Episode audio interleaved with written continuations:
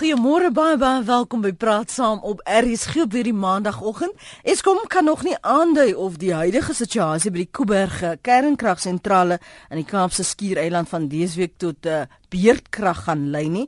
Eenheid 1 by Kuiberg is van die kragnetwerk ontkoppel weens tegniese probleme. Nou in die verlede het Eskom se hoofuitvoerende beampte Tsidi Somatona toegegee dat 'n gebrek aan instandhouding die grootste faktor is as dit kom by die land se elektrisiteitskrisis. En ons vanoggend wil ons by jou hoor, hoe het hierdie tekorte, hierdie beerdkrag en uh, aan elektrisiteit jou sak tot dusver geraak en kan ons maar moet moet ons ons liewer voorberei op 'n toekoms um met al hierdie beerdkrag gaan ons sukkel met elektrisiteitsvoorsiening en wat is die impak die groter gesprek is die ekonomiese impak op ons land. Ons gas vanoggend is die onafhanklike ekonom Ulrich Joubert en later het ons nog 'n gas, uh, Chris Jelen wat by ons gaan aansluit. Môre Ulrich, baie welkom in die nuwe jaar hier by ons in uh, RSG by RSG liewer. Baie dankie Lenet. Ja, dis lekker om hier te wees. Jy sê jy het gister, is gister wat jy beerdkrag ook ervaar het? ja, wel eh, ek het hulle geluister na Eskom wat sê hulle weet nie, maar ek kan hulle sê daar was al gistermiddag beerdkrag by my huis. Mm. so Dis die ander tyd die frustrasie is dat mense gaan na al hierdie webwerwe om te sien wat die skedules is ja. en dan is dit nie konsekwent nie of dis nie opgedateer nie en daardie die boete wat jy doen is dat jy die die tyd wat jy spandeer om daardie te gaan. Wel ja, ek weet jy ek was so net op die punt om om te begin kos maak vir my en my dogter en skoonseun wat daar was van Pretoria. Toe is die oortoog maak. Ek kyk net lekker aan volgende oomblik is alles weg. So, dan moet jy bes wat net wat daarbey aanpas. Die geluk vir my was dit dat ek toe kon gaan eet by ander by hulle, nie hulle by my nie. Mm. So dit was toe baie voordelig. So daar is voordele ook.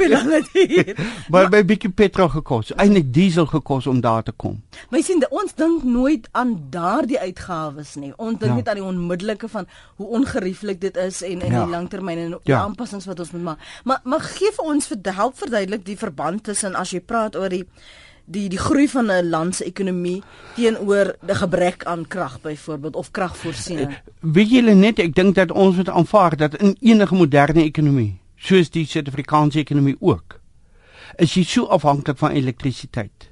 Uh, en ons ervaar dit nou ons as as gewone burgers van die land ervaar dit wat in ons huise gebeur nê die oond werk nie die ligte is af die radio werk nie die TV werk nie ehm um, En eintlik kan jy sê maar dis klein goedjies, nê? Nee? Ek kan maar daarmee saamleef. Ek kan maar in die tuin gaan sit en luister na die voëls of wat ook al.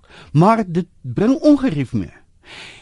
Dit bring uiteindelik bykomende koste mee want elke van ons het seker nou maar 'n gasbotteltjie. Nou gelukkig ek gaan dikwels kampeer. So ek het 'n gasbotteltjie. As die krag weg is, dan kan ek minstens water kook. So, maar as jy gaan en jy sê die kleiner besighede Hoe berei hulle hulle daarvoor voor?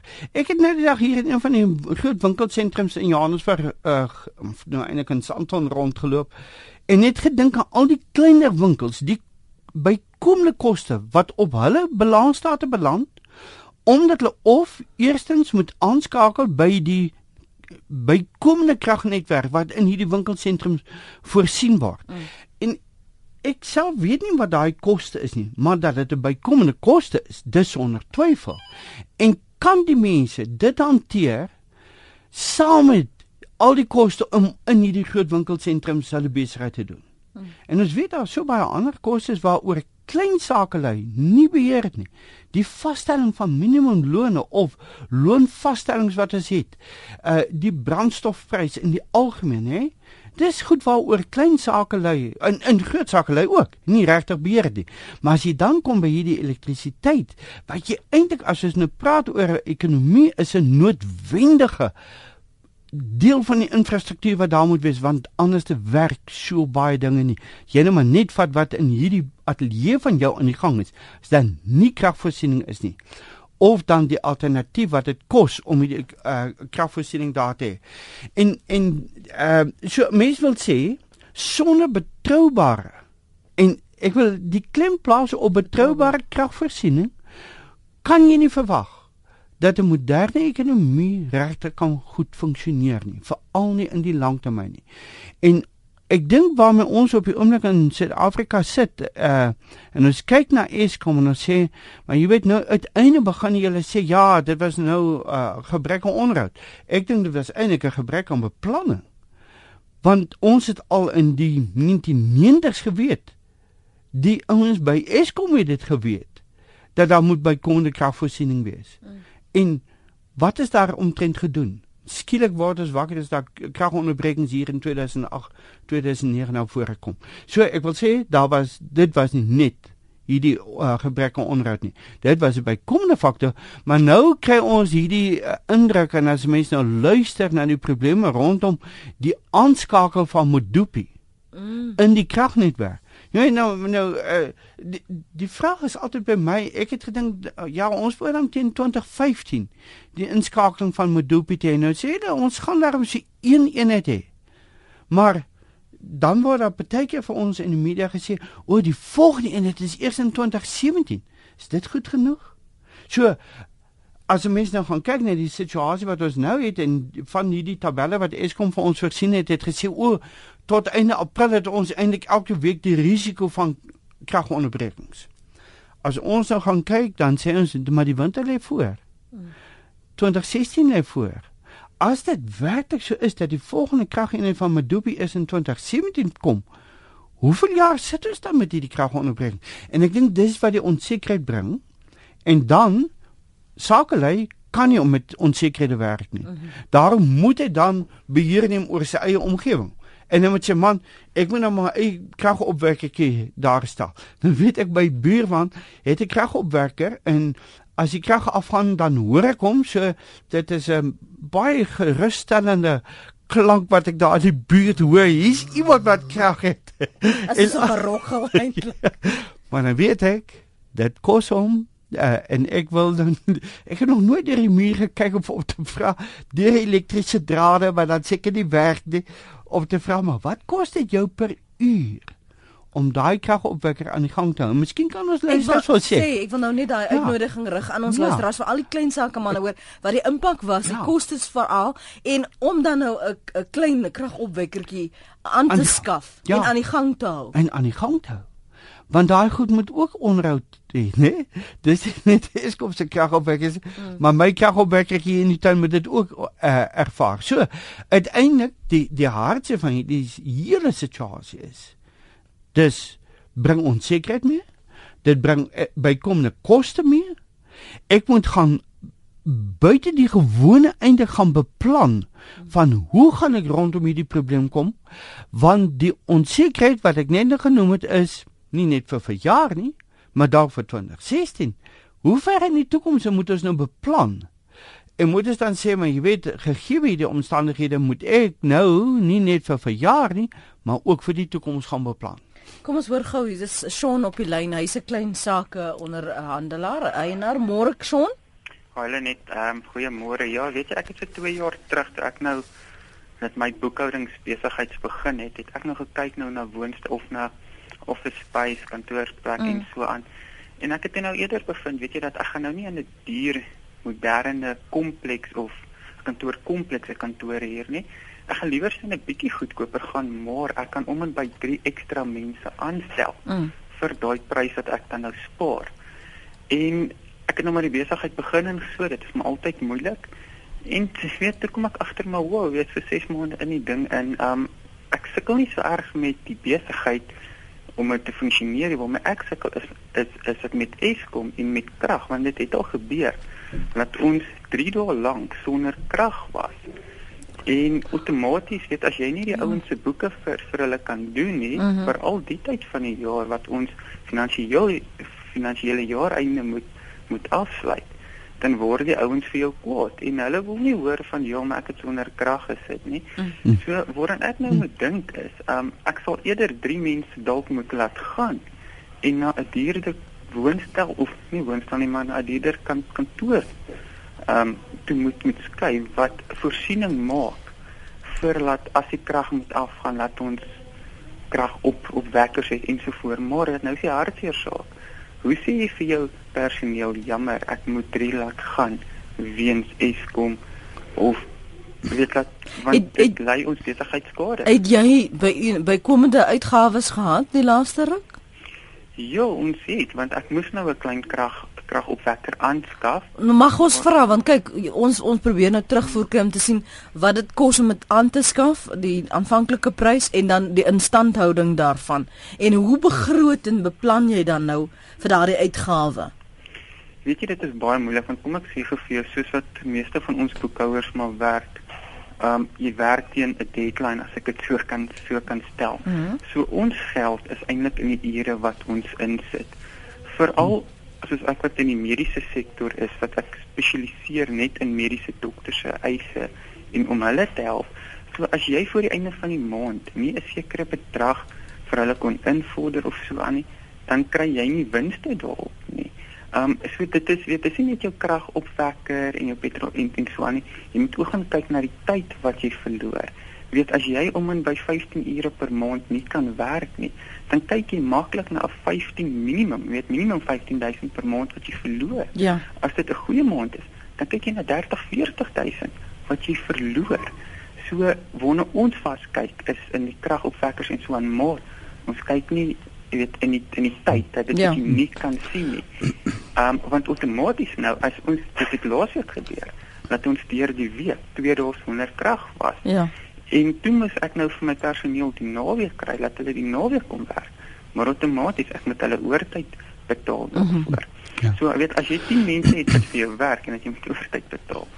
Ehm um, ja, dan kan dit nogal jou sak lelik Ja. skit. Dankie vir die saamgesels. Ek sien nou hier 'n luisteraar Zandrey skryf 3 kW opwekker gebruik 1 liter petrol per uur. Ek het nie eens geweet jy moet gaan petrol koop ook nog nie. Ja, ja, ja. Die ongelukkig die kragopwekkers loop op lig nie. Nee, ek weet dit. Maar ek het net besef jy moet gaan petrol koop want Ja, ja, ja. Gelukkig het die petrolprys nou gedaal. het. ja. Ja. Maar maar uh, as ons nou praat 1 liter per uur, dit is wat is die petrolprys nou? 14 rand, 13 rand dalk nou hier teen Woensdag. Dalk nog 'n bietjie nog 'n rand so om en by laer, maar dit bly 'n bykomende koste. En dit is die hartseer dat 'n mens daarna gaan kyk. En nou, jy weet wat ons nou hier gehoor het by Shaun, eintlik is dit die tyd wat hy verloor omdat hy nie sy mense kan laat werk nie, omdat hy nie kan werk nie. Uh, en uh, ons weet almal hoe hoe belangrik is tyd in in die moderne ekonomie. Ja. So uiteindelik as jy mens daarna gaan kyk en dan praat ons nou net oor hierdie klein sakeman, maar die probleem is nou dis dis ons het nou baie duidelik hoor wat is die direkte impak op hierdie uh, sakeman. Hy met sy boekhou ehm um, uh besigheid. As mens nou gaan kyk na die groter besighede in Suid-Afrika, Vervaardigingssektor byvoorbeeld. vervaardigingssektor. Mm. En hulle het nie hierdie kragvoorsiening nie. Dan sê mens maar jy weet uh nou staan hy stil, maar dit het ook weer hierdie kettingreaksie vir die man wat nou moet voorsien aan hierdie groter besigheid. Die groter besigheid staan nou vir hoeveel uur? Dit vertraag die hele aksie en dit het uiteindelik weer hierdie kettingreaksie dat jy vir die kleiner sakeman sê wat vir jou moet 'n sekere voorrade lewer. Nee nee, wag nou maar nog eers so, uh, uh, ons het nou vandag nie klaar gekry wat ons kon nie. So môre, jy kan maar môre lewer. Wat se kettingreaksie het hierdie Maar ook goed? die geloofwaardigheid van ondernemer kliënt. ondernemer kliënt, maar presies wat ons nou hier gehoor het, dit begin by hierdie en mense sou nou sê dis die dienste sektor en jy sou sê maar hulle is dalk nie so verskriklik afhanklik van elektrisiteit nie, maar wat doen dit aan sy geloofwaardigheid? Wat doen dit aan die geloofwaardigheid van Suid-Afrika as 'n uitvoerder? En die oorseese ouens kan ons na die hele wêreld gaan kyk. Waar kry hulle goed vandaan? Mm. So, uh, en as ons nou gaan kyk na die mynbousektor, die hele kostestruktuur wat daar ingebou moet word bykomend omdat hulle nie betroubare kragvoorsiening het nie. Wat doen dit aan aan die hele mededingingsvermoë van Suid-Afrika ja. plaaslik en internasionaal? Mense moet altyd onthou dit dit gaan hoe mededingend is jy in die buiteland, maar hoe mededingend is jy teenoor jou mededingers van die buiteland in die plaaslike mark? So uiteindelik het ons het ons 'n probleem wat dit aanbetref. Die ander aspek is as ons gaan kyk na die groter besighede en as ons gaan kyk na die mynbousektor, mm. na die ek aanvaar die groot nywerheids uh, besighede in Suid-Afrika, dan is daar reeds met hulle onderhandel om minder krag te gebruik. Wat beteken dit uiteindelik? Minder produksie. Ja. Minder wat ons kan lewer. Minder beleggings. Minder beleggings. En ehm um, ek het gesien julle het ook gedink aan, jy weet, wat doen dit aan ons situasie ten opsigte van die lok van buitelandse beleggers na Suid-Afrika? Ja. Natuurlik. Daardie mense sal sê, maar jy weet as ons nie betroubare krag in Suid-Afrika het nie, plus al die ander inmenging wat ons het van die owerheidsweë se kant in die sake sektor. Hoekom moet ons dan na Suid-Afrika kom? Dan gaan ons baie eerder na 'n plek waar ons sê, maar hier is betroubare krag. So, wat dit dan betref, ek dink net ehm um, ja, Suid-Afrika het ongelukkig in 'n spinarie beland waar uit ons op die oomblik lyk dit vir ons so asof ons nie maklik daar gaan uitkom nie. En daarom sê ons as ons nou gaan kyk na internasionale beleggers, dan sit ons met 'n situasie waar ons eintlik moet sê, maar vir volgende jaar, 2 jaar, 3 jaar gaan mense mos huiwerig wees om hulle groot geld na Suid-Afrika te bring. En as jy nou gaan kyk na die nasionale ontwikkelingsplan wat gesê word, maar jy weet ons moet byvoorbeeld ons minerale bietjie meer veredel voor as hulle uitvoer. En ek het nie 'n probleem daarmee nie behalwe Waar kom die elektrisiteit vandaan om? Om daai veredeling te doen? Nou goed, daar's nog 'n ander vraag, die kundigheid. Waar is die kundigheid in Suid-Afrika as ons net kyk na ons onderwysstelsel? Maar maar goed, so hier is 'n hier is ongelukkig Dis 'n spiraal. Dis 'n spiraal. En hoe kom Ja, ons daar uit? ja. En daarom ja, ek dink ons is hartseer dat ons owerhede nie met ons eerlik was van die begin af nie. En ek wil eintlik sê dit sou eerlikheid beteken van 2000 van die jaar 2000 en ek selfs vroeër as dit Ja. om te sê maar hier kom 'n probleem omdat ons nie voldoende kragvoorsiening het nie. En nou moet mense natuurlik weer na die ander kant toe versigtig wees. Jy weet as mense nou dink daar in die 60e jare het ons die boomperiode gehad in kommoditeite soos wat ons die afgelope dekade gehad het. En as gevolg van daai baie sterk groei in Suid-Afrika het ons beplan vir kragvoorsiening en dit het mee gebring dat in die 80e jare toe die finansiële sanksies teen ons ingepla uh, ingevoer is dat ons 'n oormaat kapasiteit gehad het. Miskien dankie daarvoor want ons kon van daai kapasiteit gebruik het alhoewel dit uiteindelik verouderd geraak het. Maar as jy mens nou weer gaan kyk, nou moet ons baie versigtig wees in die beplanning vorentoe. Dat is nou nie dalk weer sê o, jy weet ons moes nou eintlik vir 5% groei voorsien dit nie. Uh mense sal moet versigtig wees in jou beplanning dat jy nou nie weer totaal oorboord gaan met die hoeveelheid kragvoorsiening wat jy daar stel. Maar daar's ander probleme wat ook aandag verg wat ook finansies verg in Suid-Afrika. So, mens moet versigtig wees, ehm um, maar op hierdie stadium dink ek net dat dit is 'n hartsverhaal waarmee ons sit. Want dit bring eintlik ons geloofwaardigheid as 'n uh, uh, as 'n investeringsbestemming Mm. internasionaal onder verdenking. En ek dink net dat mense gaan hierdie uh investering uitstel. Uh die ander ding is ons gaan dus nie die invloed van kapitaal hê wat ons eintlik so broodnodig het nie. En tweedens die kostefaktor. Wat doen dit aan die koste basis van die totale ekonomie? Van hierdie man wat ons nou gehoor het van Sean wat ons nou gehoor het na die sakeonderneming, klein sakeonderneming wat binne in 'n groot uh, kompleks sit, maar hy moet nou vir die bykomende kragvoorsiening bykomend betaal. En ek dink daar's baie van hierdie sakeondernemings wat dan besluit, man, weet jy, ek maak eerder my deure toe as wat ek die ekstra onkoste aangaan. Dis die stem van uh, ons onafhanklike ekonom Uri Gubert hier vanuit ons ateljee in Johannesburg. Dit is 27 minute oor 8. Ons kyk na die ekonomiese impak wat al hierdie kragonderbrekings op ons het op jou sak het. Uh, hoe raak dit jou tot dusver 0891104553 rsg.co.za jou SMS na 3343. Onthou net, dit kos ook ongelukkig R1.50 en jy kan my volg en tweet by Lenet Francis 1. Gerard, dankie vir die aanhou. Ons kom nou by Fransie. Môre. Môre Lenet, uh, dis 'n lieflike dag in die Weskus. Ek wil net gou uh, ietsie in die stywerbeurs gooi. Uh, ek was nou bevoorreg om laas jaar se eind vir my ook 'n kragwekker aan te skaf by die huis. Uh, ek het agtergekom net per uur vir die brandstof is om en by R37.50. So jy kan self die som maak wat kos dit vir jou maand as jy pal daarop moet wees, Mm. dan is dit onbekostigbaar. My grootste bekommernis op hierdie stadium is uh uh, investering, die vertroue wat ons het in die in die geleerde mense wat by Eskom is en was. Ehm uh, hierdie goed moes hulle mos daarom seker bepaal het oor 'n lang termyn. En ons kom ons nou nie krag vir die buiteland gee vir Afrika lande en en ons eie mense wat eintlik belasting moet betaal. Uh moet sonder krag sit nie. So ek verstaan dit glad nie hoe dit werk. Ehm um, as as iemand net vir my daai kan verduidelik, want dit is nou ons wat die belasting betaal voorsien in Suid-Afrika. Ja.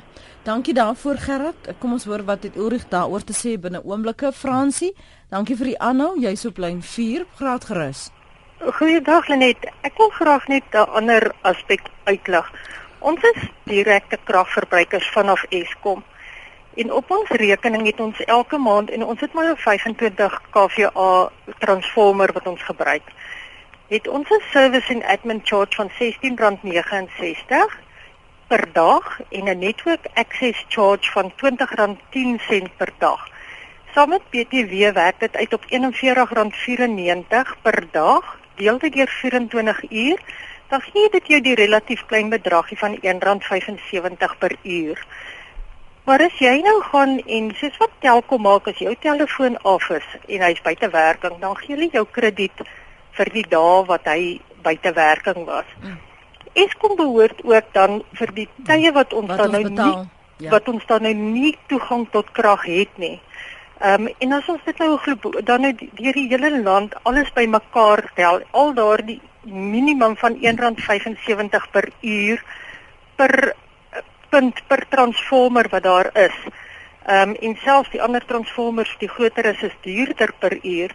Ehm um, en jy dan dink ek dit gaan ook op 'n aardige bedragie per maand uitkom wat Eskom nou kry vir dele wat hulle glad nie vir jou diens lewer nie hoor wat jy sê. Dankie vir daardie bydrae Ensie, waardeer dit.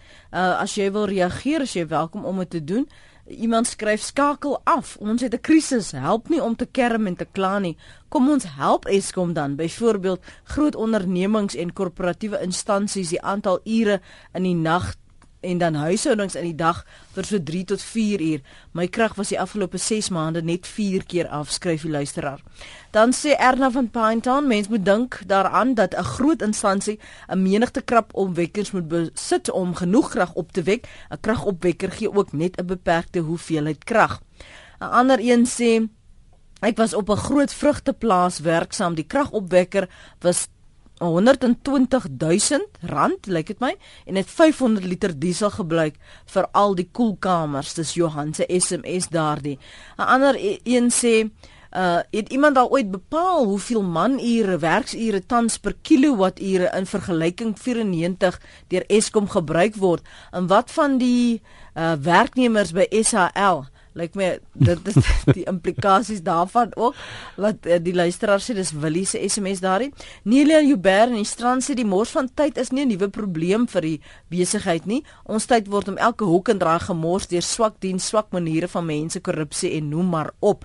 Dan skryf Cathy van Blackheath in die Kaap ek is gekoppel aan 'n suur aan suurstof 24 ure 'n dag.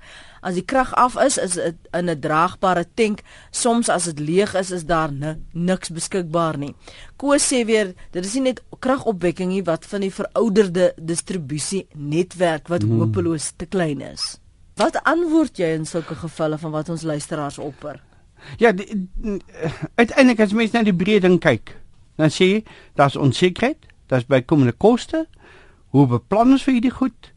En tot watter mate is ons eintlik uitgelewer aan hierdie situasie? En, en, en die inluisteraar wat nou ehm uh, SMS het net gesê maar ons moet help. Mm. Ja natuurlik moet ons help. Maar dan wil ons ook die versekering hê dat aan die ander kant daar goeie beplanning was dat hulle eintlik hier in 'n situasie ingedwing was wat hulle nie anders te kon nie. Mm. Maar eintlik het ons al, ek weet daar was in Eskom die verslag geskryf in 97 98 dat by die jaar 2007 sal daar nie genoeg kragopwekking wees nie. So wat wat is daar in daai periode gedoen? Uh en ek dink daar was swak beplanning geweest van die regering se kant wat gesê het jy weet die Eskom tarief mag nie of moet met minder styg as die inflasiekoers. Hoe kon Eskom finansiëel voorsien het vir die uitbreiding van 'n netwerk? En nou ja, jy weet nou nou praat ons nog van die netwerk ook. Ons het nog nie eens daaraan geraak nie. Hoe lyk die netwerk? Nie net vir Eskom nie, maar ook van ons munisipaliteite. Ehm uh, die kragonderbreking wat ek nou gister gehad het, dalk was dit nie Eskom se beurtkrag nie, dalk was dit munisipaliteit se beurtkrag. Ja. Omdat daar nie goed uh, genoeg uh, geïnvesteer is in die netwerke en onderhoud gedoen is. Ons kom elke keer weer terug na hierdie soort van situasie. As mense gaan kyk na Gerrit se opmerking oor die buiteland, is daar uh, hoe lyk die ooreenkomste wat ons het met 'n land soos Zimbabwe of Botswana? En dit weet ek nie uh want dit kan wees dat daar gesê word in hierdie ooreenkomste jy moet maar hierdie krag lewer soos wat ons ook met die aluminium smelters het. Dit is ooreenkomste wat wat gesluit is toe ons voldoende krag gehad het. En mense sien ook daarom dat ons die invoer van krag het van die Kahore Bassa skema uit Mosambiek as mense gaan kyk na hierdie uh koste en dat Telkom as dit gelukkig is vir ons 'n bietjie krediet gee as hulle die die ehm um, die uh verskaffing van die diens onderbreek.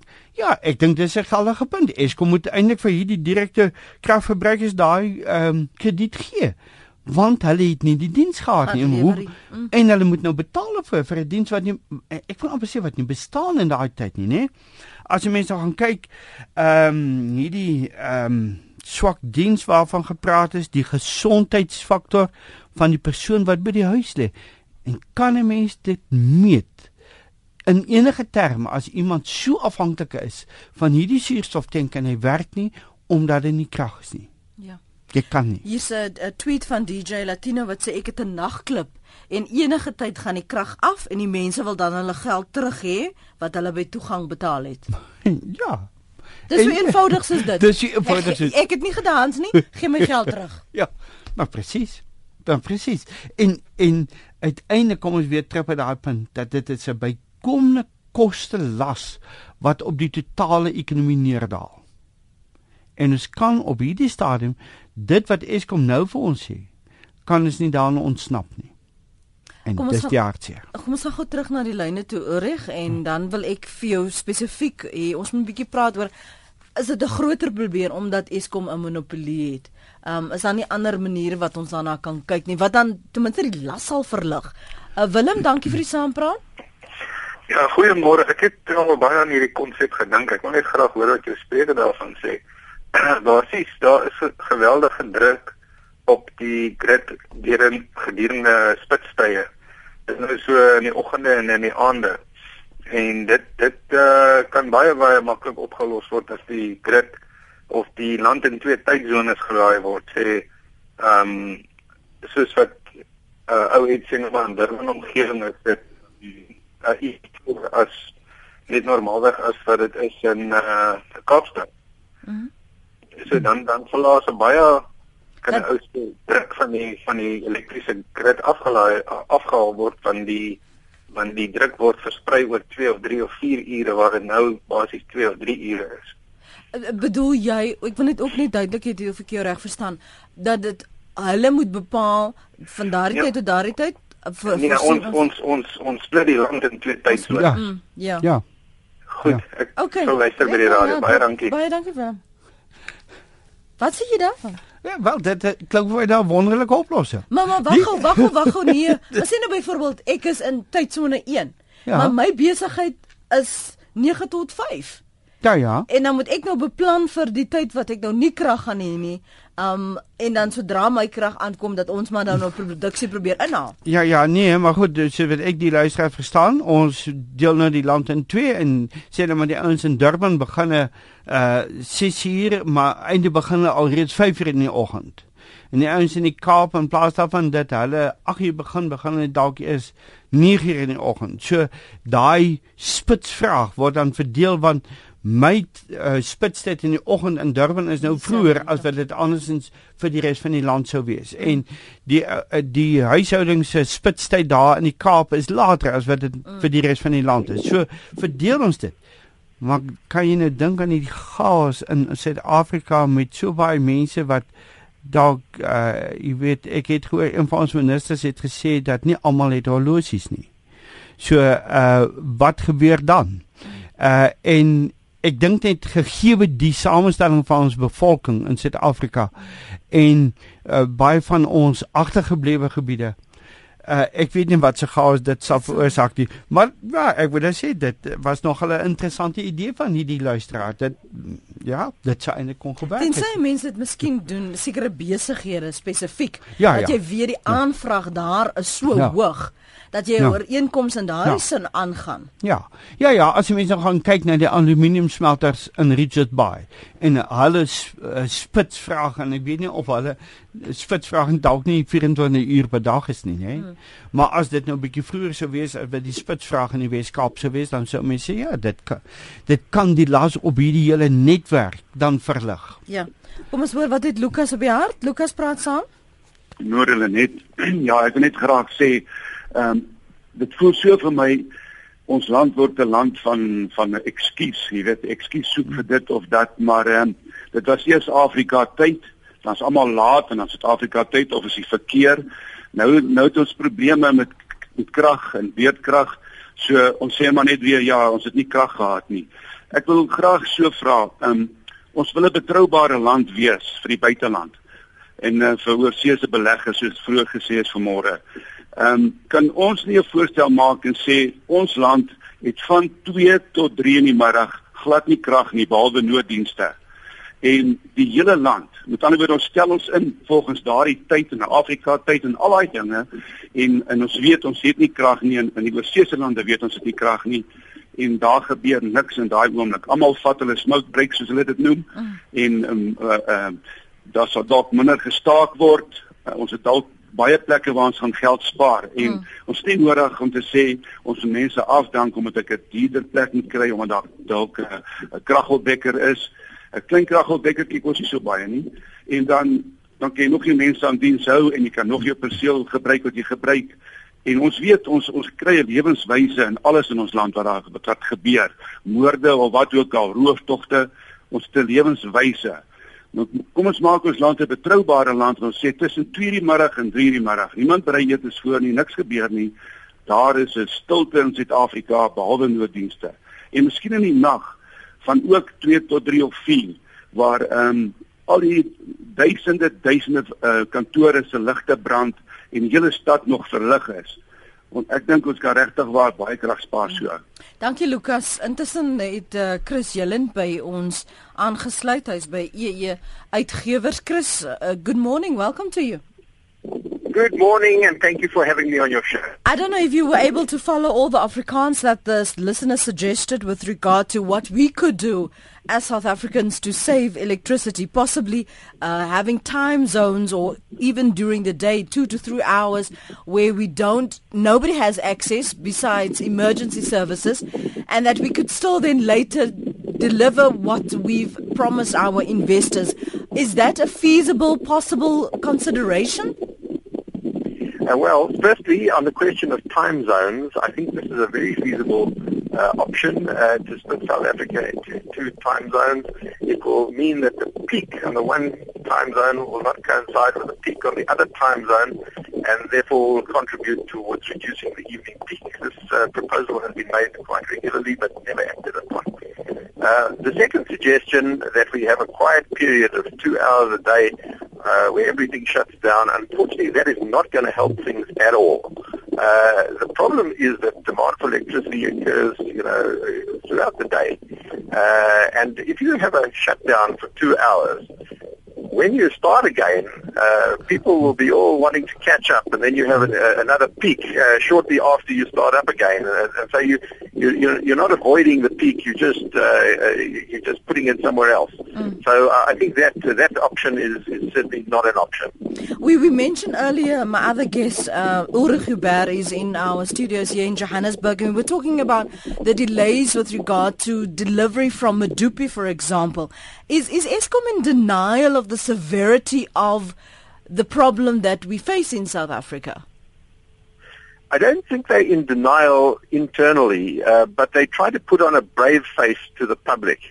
Uh, and really, in, in, my view, they are underplaying the severity uh, to, to, the public, uh, and they're constantly in a situation where they over promise and under deliver, which I think is the, the wrong approach. Mm. I think they need to uh, take the public into their confidence.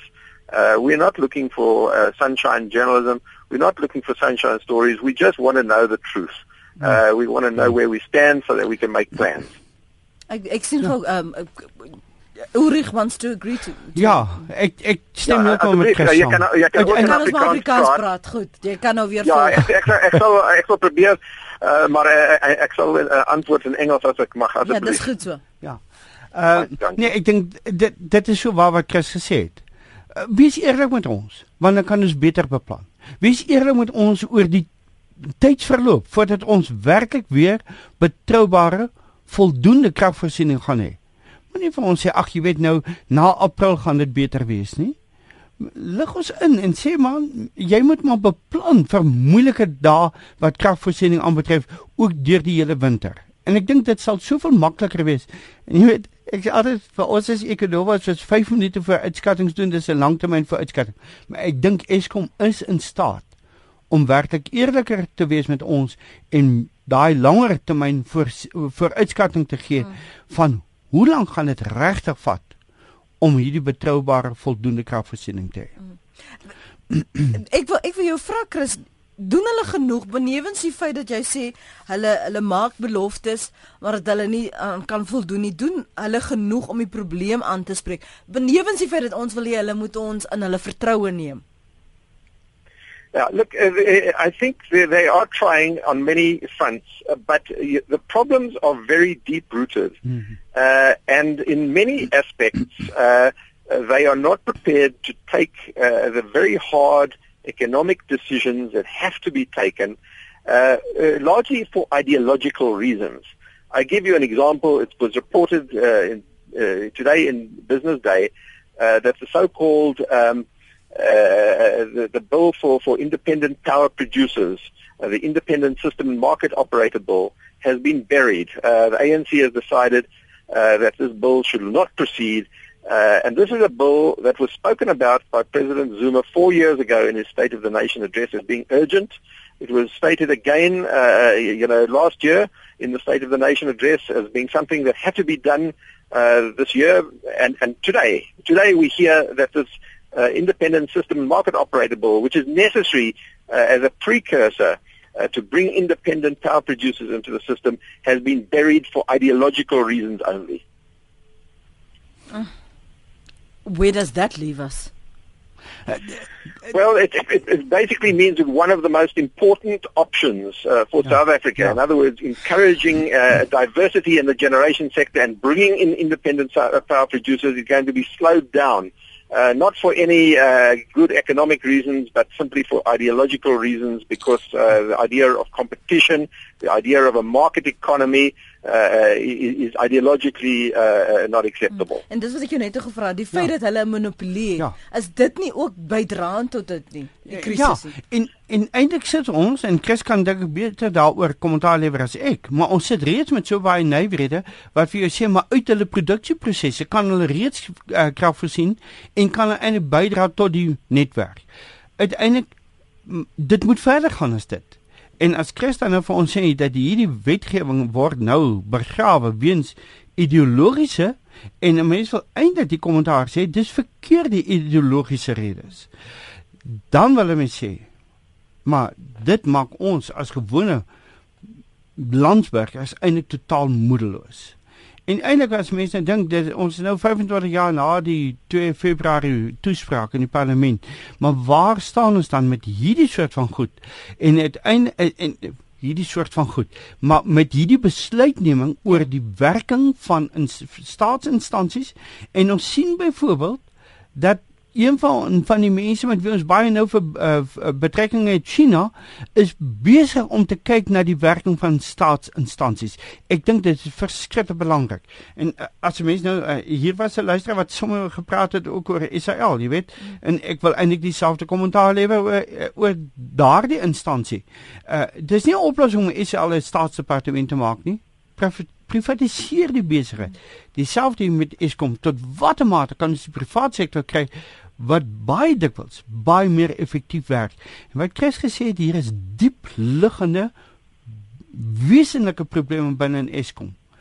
Kan 'n mens nie vir die private sektor sê maar watter bydrae kan julle lewer?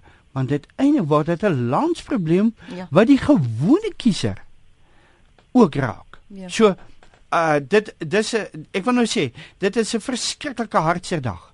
As hierdie soort van wetgewing wat 'n mens eintlik weet as ons mooi ekonomies daarna kyk, eintlik die oplossing moet bied as dit gaan begrawe weens ideologiese redes wat totaal verouderd is. En en dan kan jy nie enigstens beplan nie of jy kan nie ja. werklik glo dat ons op 'n punt gaan kom dat ons genoeg krag gaan hê nie Chris want daar's gedurig dan op 'n politieke vlak inmenging ja. en en jy kry ook die die houding van wel die regering gaan een of ander tyd tog maar vir ons geld gee. So die verpligting om dit ernstig aan te raak is net nie daar nie, dit ontbreek. Chris Uh, yeah, look, uh, you know, ESCOM have said repeatedly they cannot do it alone and they need the involvement of the private sector. Unfortunately, they talk these words and they mm. talk the talk, but they don't walk the walk. Yeah. Uh, and the reality is they are a monopoly. And today, this mm. morning, it's been announced the ANC have decided uh, that this independent system and markets operator bill would be uh, what they see as a precursor to unbundling of ESCOM and to breaking it up. And they say they have made a decision to keep ESCOM intact as a vertically integrated monopoly. Uh, and unfortunately, that is part of the problem. And ESCOM mm. acknowledge it. They cannot do it alone. They need the private mm. sector. Mm. The state doesn't have the money and the public don't have the ability to pay too much more for electricity. We need other shareholders coming into ESCOM. Uh, we need equity partners. Uh, we need perhaps a listing on the stock exchange. This will re- re- relieve the burden uh, on the fiscus uh, yeah. it, it, yes. to constantly bail them out and, and, and bring new sources of capital to the to the table. Mm. Die die geld wat hulle wel ontvang, Chris, spandeer hulle dit korrek op die regte plekke vir die regte doeleindes? Mm. You know, I think they are spending uh, what they have correctly, but there are a few instances where they are sending out very mixed messages. Uh, and it's not so much the, uh, the amount that they are spending wrongly, uh, but it's the message that it sends to their own staff and to the public. Uh, if I may give a few examples. Uh, it was recently announced uh, that, uh, that that Eskom were cutting back on uh, refreshments and tea and biscuits for, for, for meetings and visitors.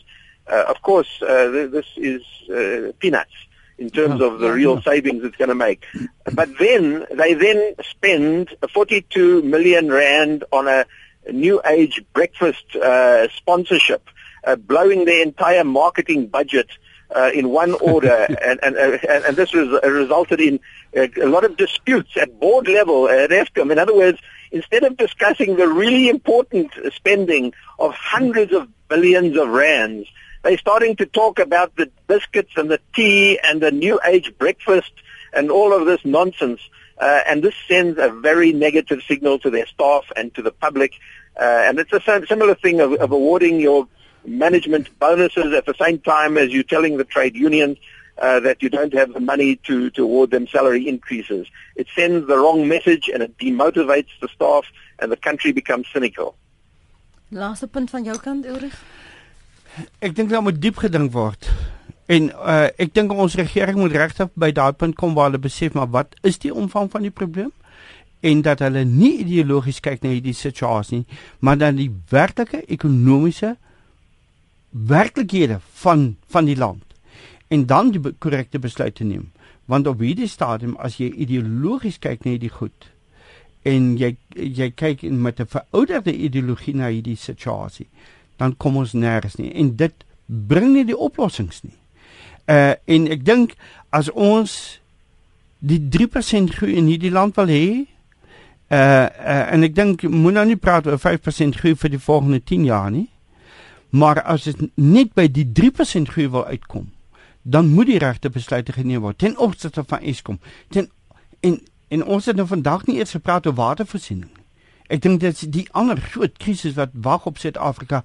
Hoe gaan ons die beperkte waterbronne hanteer?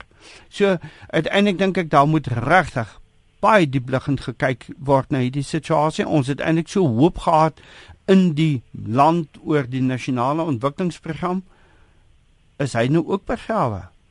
Dis die onsekerhede wat hier na vore kom en ek dink daar moet regtig nie gekyk word en daar moet regtig besin word en diep besin word en ek dink die regerende party moet weer teruggaan na die tekenborde en gaan kyk maar wat is die werklike probleme wat is die moontlikheid vir hierdie oplossing hoe kan ons die die beperkings op die private sektor verlig om regtig hulle potensiaal uit te leef en bydra te lewe hmm. tot die oplossing van ongelukkig ernstige probleme waarmee die ekonomie te kamp het op die oomblik.